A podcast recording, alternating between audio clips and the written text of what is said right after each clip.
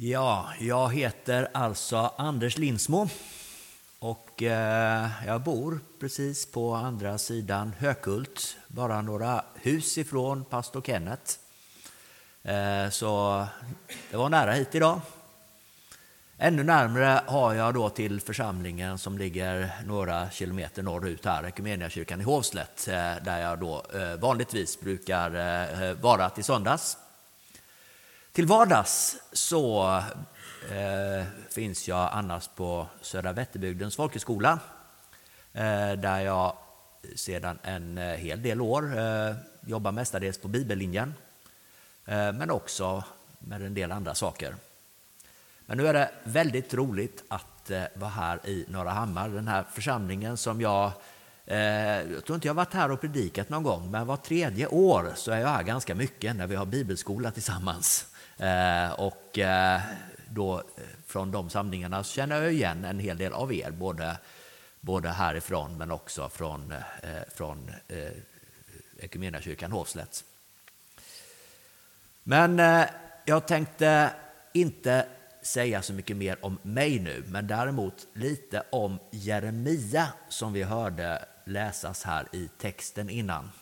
Eh, jag har förmånen att få undervisa eh, mestadels om Gamla Testamentet på folkhögskolan. Så därför tänkte jag egentligen inte utgå från Gamla Testamentet idag, för det är lite fusk. Utan eh, jag tillhör de pastorer som tänker att ja, det får bli en utmaning, idag tar jag Nya Testamentet. Men jag kan ändå inte låta bli utan att säga någonting om Jeremia nu när den här texten läses.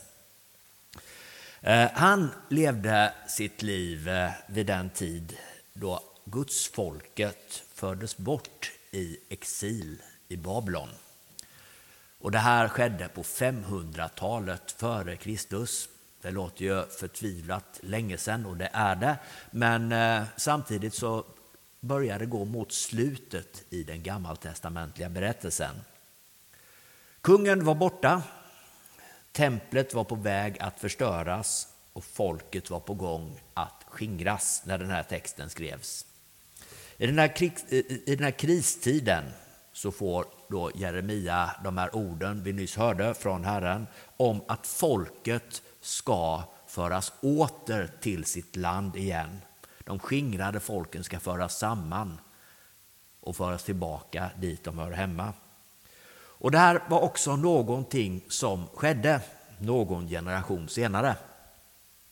De flesta profetier i Gamla testamentet går faktiskt också i uppfyllelse inom Gamla testamentet. Men Jeremia ger ju också några ord om ett rättfärdigt skott, att det ska växa ur Davids stam.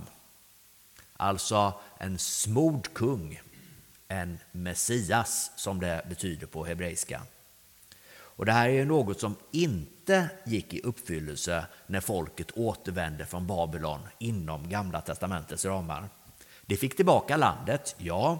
De fick bygga upp templet igen, ja. Men de fick inte styra sig själva. Persien hade tagit över och den persiske kungen han insatte ståthållare och de fick vara en lydstat till Persien till att börja med. Så någon smord kung var det naturligtvis inte fråga om. Sedan tar Gamla testamentets berättelse slut, men en längtan fanns kvar. Ett rättfärdigt skott, står det i texten. Skott, alltså något som skjuter ut på en stam. Det betyder natser på hebreiska. Och kanske 400 år senare, alltså först på hundratalet före Kristus, så grundades en liten ort med just det namnet i Galileen. Natsrat eller Nasaret som vi då uttrycker saken på svenska. Tillfällighet eller Guds verk? Ja, jag väljer naturligtvis att se det som ett Guds verk och därtill med en liten glimt i ögat från Gud. Han väljer att benämna saken som skott trots att staden vid namn Skott ännu inte finns. Och en man vid namn Jesus växer alltså upp i staden och han benämns Jesus från Nasaret.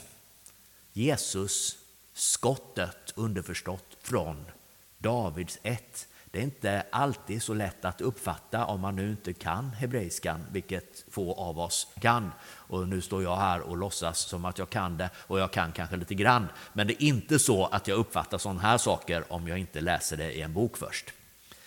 Eh, så Jesus kallades alltså egentligen för skottet eller något som associerade till den här texten. Och dessutom så sades det att han var född i Betlehem och det pratades om tecken och under kring honom samt att han undervisade med makt och vishet. Kan det vara han? spekulerades det bland folket. Knappast, tänkte många av folkets ledare som kanske redan hade bestämt sig. Och när tempelinvigningsfesten inföll i Jerusalem, vintertid, lite kallt var det säkert, det här är ju ungefär samtidigt som vi har vår jultid och Jerusalem. Det kan vara lite, lite sådär eh, ruggigt i luften vid den tiden. Då, då fanns det en möjlighet att ställa frågan rakt ut. Jesus besökte nämligen tempelinvigningsfesten. Och det här ska vi läsa en text om från eh, Johannes 10, vers 22 till 30, som kanske kommer upp här nu på väggen. Titta där. Nu inföll tempelinvigningsfesten i Jerusalem. Det var vinter och Jesus gick omkring i Salomos pelarhall i templet. Då omringade judarna honom och sa Hur länge ska du hålla oss i ovisshet? Om du är Messias, säg det då öppet. Jesus svarade Jag har sagt det men ni tror det inte. Gärningarna som jag gör i min faders namn vittnar om mig, men ni tror inte därför att ni inte hör till mina får. Mina får lyssnar till min röst och jag känner dem och de följer mig. Jag ger dem evigt liv och det ska aldrig någonsin gå under och ingen ska rycka dem ur min hand. Vad min fader har gett mig är större än allt annat och ingen kan rycka dem ur min faders hand. Jag och Fadern är ett.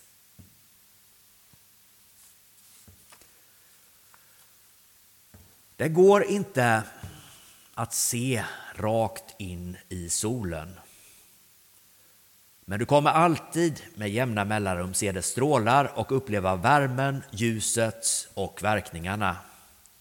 Men du kan inte se rakt in i den utan att bli bländad. De människor som omringade Jesus ville ha ett svar. Ja eller nej, är du Messias? Och Jesus han ger ett långt radikalare svar än så. Han förklarar sig vara ett med Fadern. De fick ett svar, det klaraste tänkbara, men de blev bländade. Dessutom så hade de redan bestämt sig. Och då hjälper det inte att Jesus säger det själv och inte heller att han gör, gör gärningar. Och fortsättningen på texten lyder enligt följande i vers 31. Då tog judarna på nytt upp stenar för att stena honom. Messias hemligheten är ett begrepp som man ibland brukar tala om. Det vill säga att Jesus säger inte så ofta, åtminstone inte i början av sin aktiva period, rakt ut vem han var. Och särskilt tydligt är det här i de andra evangelierna, eh, i synnerhet Markus evangeliet, men även i Johannes så har han faktiskt ännu inte varit så tydlig i sina ord, även att Johannes evangeliets författare naturligtvis är tydlig. Men om man läser vad Jesus säger själv så är det lite tvetydigt.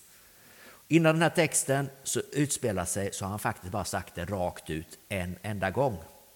Och det är i enskildhet med den samariska kvinnan vid brunnen.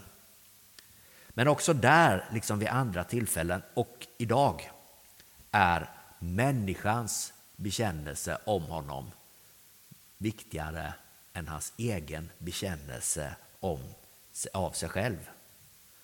Jag tänker på en text i Matteus evangeliet kapitel 16 där Jesus frågar Petrus, vem säger du att jag är? Och i Matteus evangeliets variant så har Jesus inte alls uppenbarat med sina egna ord sagt vem han är. Och Petrus säger, du är Messias, den levande Gudens son.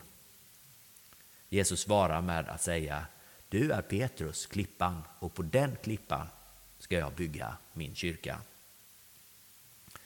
Människorna kring Jesus i texten hade fullt upp med att förhöra Jesus, att ställa eh, prövande frågor. Och därför kom det ingen bekännelse inifrån dem. Och på dem så byggdes heller inte någon kyrka. Prövande frågor till Jesus eh, kanske kan vara på sin plats ibland. Eh, Jesus tål detta. Men det är sällan man finner tron på det sättet. Nej, jag tror inte att det är någon tillfällighet att Jesus inte gärna sa rakt ut vem han var. Han vill att eh, du och jag, likt Petrus, ska upptäcka det själva. Din bekännelse av honom är viktig. Dessutom hade han sagt det tydligare, ja då hade väl fler reagerat som eh, de människor som omringade honom. Han visste att man inte kan se rakt in i solen om man ska se den. Man måste se på dess strålar. Se och känna att de lyser upp och värmer. Och detta fungerade. Trots att han sällan sa öppet vem han var så var det många människor som hade kommit till tro på honom. De hade hört berättelsen om skottet, om Betlehem och framför allt så hade de sett solstrålarna. De hade sett kraftgärningarna, tecken som Johannes evangeliets författare säger och mänskliga upprättelser. Och på så vis blivit Jesu får, som Jesus beskriver saken. Bilden av får är ju vanlig i Bibeln och idag är ju den gode heden temat för dagen. Så vi får väl helt enkelt eh, ta vägen genom fårhagen. Och kanske slår jag nu in öppna dörrar eh, då det eh, sannolikt är flera av er som har mer erfarenhet av fårskötsel än vad jag har. Jag är uppvuxen på Grästorp på vägen in här mot, mot dalen och eh, där levde vi i eh, sådana här eh, grupphus och det var ingen av mina grannar som hade får. Men när jag som eh, eh, ung sedan kom iväg till en eh, annan församling som ungdomsledare, en lantlig församling i Östergötland, så fick jag en riktig sån här aha-upplevelse som kanske är självklar för några av er. Men eh, min pastor där, som naturligtvis hade egna får, för det ska man ju ha som pastor, pastor betyder ju faktiskt herde, eh, han tog med mig ut i fårhagen som fanns utanför hans eh, hus en, en, efter en, en söndagmiddag. Och han bad mig ropa på fåren. Och jag ropade, jag vet inte hur man ropar på får, det har jag glömt, men jag, jag kom hit, kom hit, någonting i den stilen och fåren kom naturligtvis inte. Därefter ropade han ungefär samma sak och fåren kände igen hans röst och kom direkt. Och jag kände wow, och så klickade den där texten och andra texter om får och herdar i Bibeln. Och varje gång jag läser om får och herdar så tänker jag på den här berättelsen som jag själv var med om. Ni tror inte därför att ni inte hör till mina får. Mina får lyssnar till min röst, säger Jesus. Jesu får känner alltså igen sin herdes röst. De tror och de lyssnar. Det finns eh, naturligtvis många aspekter på tro. Men i det här sammanhanget så skulle jag kunna säga att tron kan dels förstås som tilltro.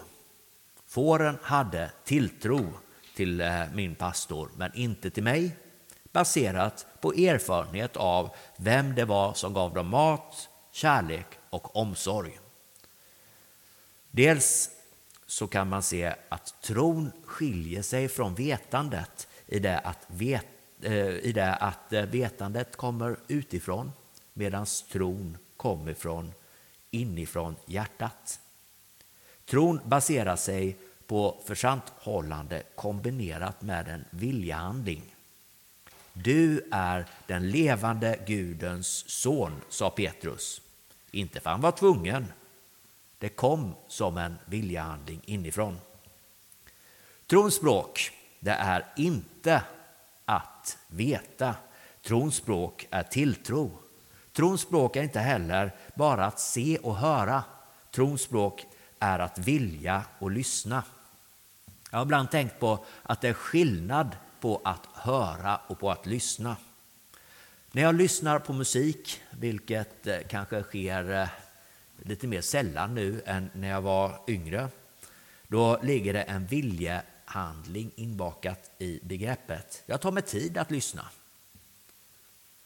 Jag minns tiden när man hade sådana här grammofonskivor. Man var till och med tvungen att gå fram och vända eh, skivan för att man skulle lyssna på vad som fanns, eh, vad, vad, det var för musik på den. Och så tar man in musiken och eh, man på något sätt, den, den gör någonting med en själv. På samma sätt när man sitter på en gudstjänst och lyssnar på, på musik så är det något annat än när man hör eh, radiomusik skvala i, eh, i, i eh, högtalaren i bilen när man kör bil. Eller musiken på ICA som, eh, som går i högtalarna vare sig man vill höra den eller ej. Eh, att eh, höra är möjligen att registrera, men att lyssna det är att ta in. Att veta och att höra är praktiska hjälpmedel i det vardagliga livet. Men att vilja och lyssna i tilltro, det är något annat. Det är tronspråk. Och ibland behöver man ta till tronspråk för att eh, man ska kunna ta till sig stora saker. För det är oerhörda anspråk som Jesus eh, eh, gör i texten. Och det är oerhörda anspråk som också står i Jeremia-texten. Att han skulle vara skottet av Davids stam, Guds Messias, att han skulle vara ett med Fadern och att han ger evigt liv till sina får och att ingenting kan rycka dem ur hans hand. Om jag inte hade mött en eh, varm tro genom kloka och generösa människor när jag växte upp under eh, ganska lång tid, ja då, då kanske jag också hade blivit bländad om någon bara sa det här om Jesus. Nu tar du väl ändå i lite, hade jag kanske sagt. Det finns kanske många andra också och så vidare. Och jag har förståelse för att man kan känna så om man bara får sådana här saker rakt i ansiktet. Särskilt om man eh, är eh, i en eh, prövande sinnesstämning där man tänker att nu ska jag verkligen pröva honom om det här är sant. Och sen ställer man kritiska frågor. Och även idag så kan jag känna ibland att det inte alltid som det är så lätt att tro. Eh, kanske på Gud, men på alla de här sakerna. Och när jag känner att det är relativt enkelt, hur ska jag få andra att tro på de här sakerna som då känns viktiga för mig? Det är inte heller alltid så enkelt.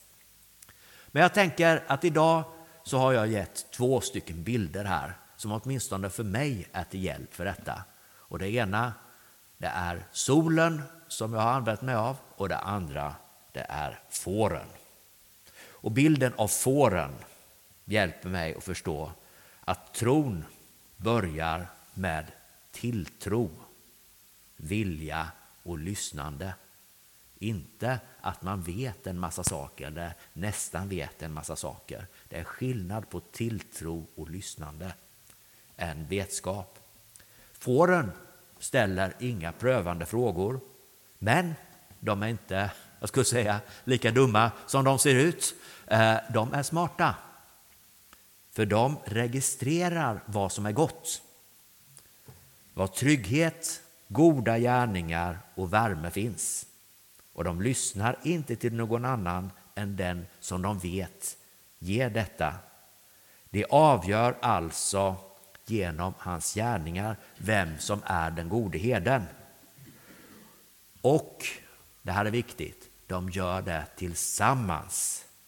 Den enskilde har hjälp av flocken på samma sätt som individen idag, om vi flyttar över perspektiv till människor, att individen har hjälp av församlingen. Man är inte ensam. Bilden av solen hjälper oss att förstå att strålarna och värmen å ena sidan och solens kärna å andra sidan är olika, olika aspekter på solen. Värmen och strålarna leder till själva solen så att man inte blir bländad. Och strålarna, det kan vara insikter och hälsningar från Gud. Att ordet Nasaret betyder skott och att staden Nasaret grundades flera hundra år efter det att ordet skott står i den här texten. Det är en sån här eh, stråle för mig som gör det enklare att tro.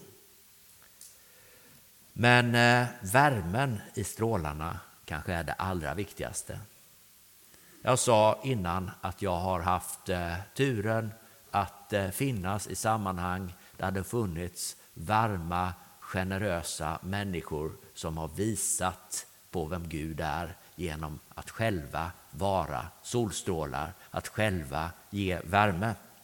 Och idag tror jag att det fungerar så att ni i Slättenkyrkan är både solens strålar och dess värme här i Norra Hammar. Jag tror att människor som ger sig tid, kanske inte de som kommer hit och bara ställer prövande frågor, för de har nog redan bestämt sig, men de som ger sig tid och finns här, lyssnar till vad ni har att säga, får solens strålar en och annan eh, aha-upplevelse i huvudet. Men framför allt solens värme i en varm gemenskap där man bär varandra. Kraften hämtas från solen, solens kärna, och där finns det kraft. Men eh, tron föds av ljuset och värmen i era liv. Jag skulle vilja avsluta den här predikan med att, eh, att be en bön för er som församling. Tack Herre för Slättenkyrkan i Norra Hammar. Tack för den kallelse som de har tillsammans. Att vara ditt folk här i Norra Hammar.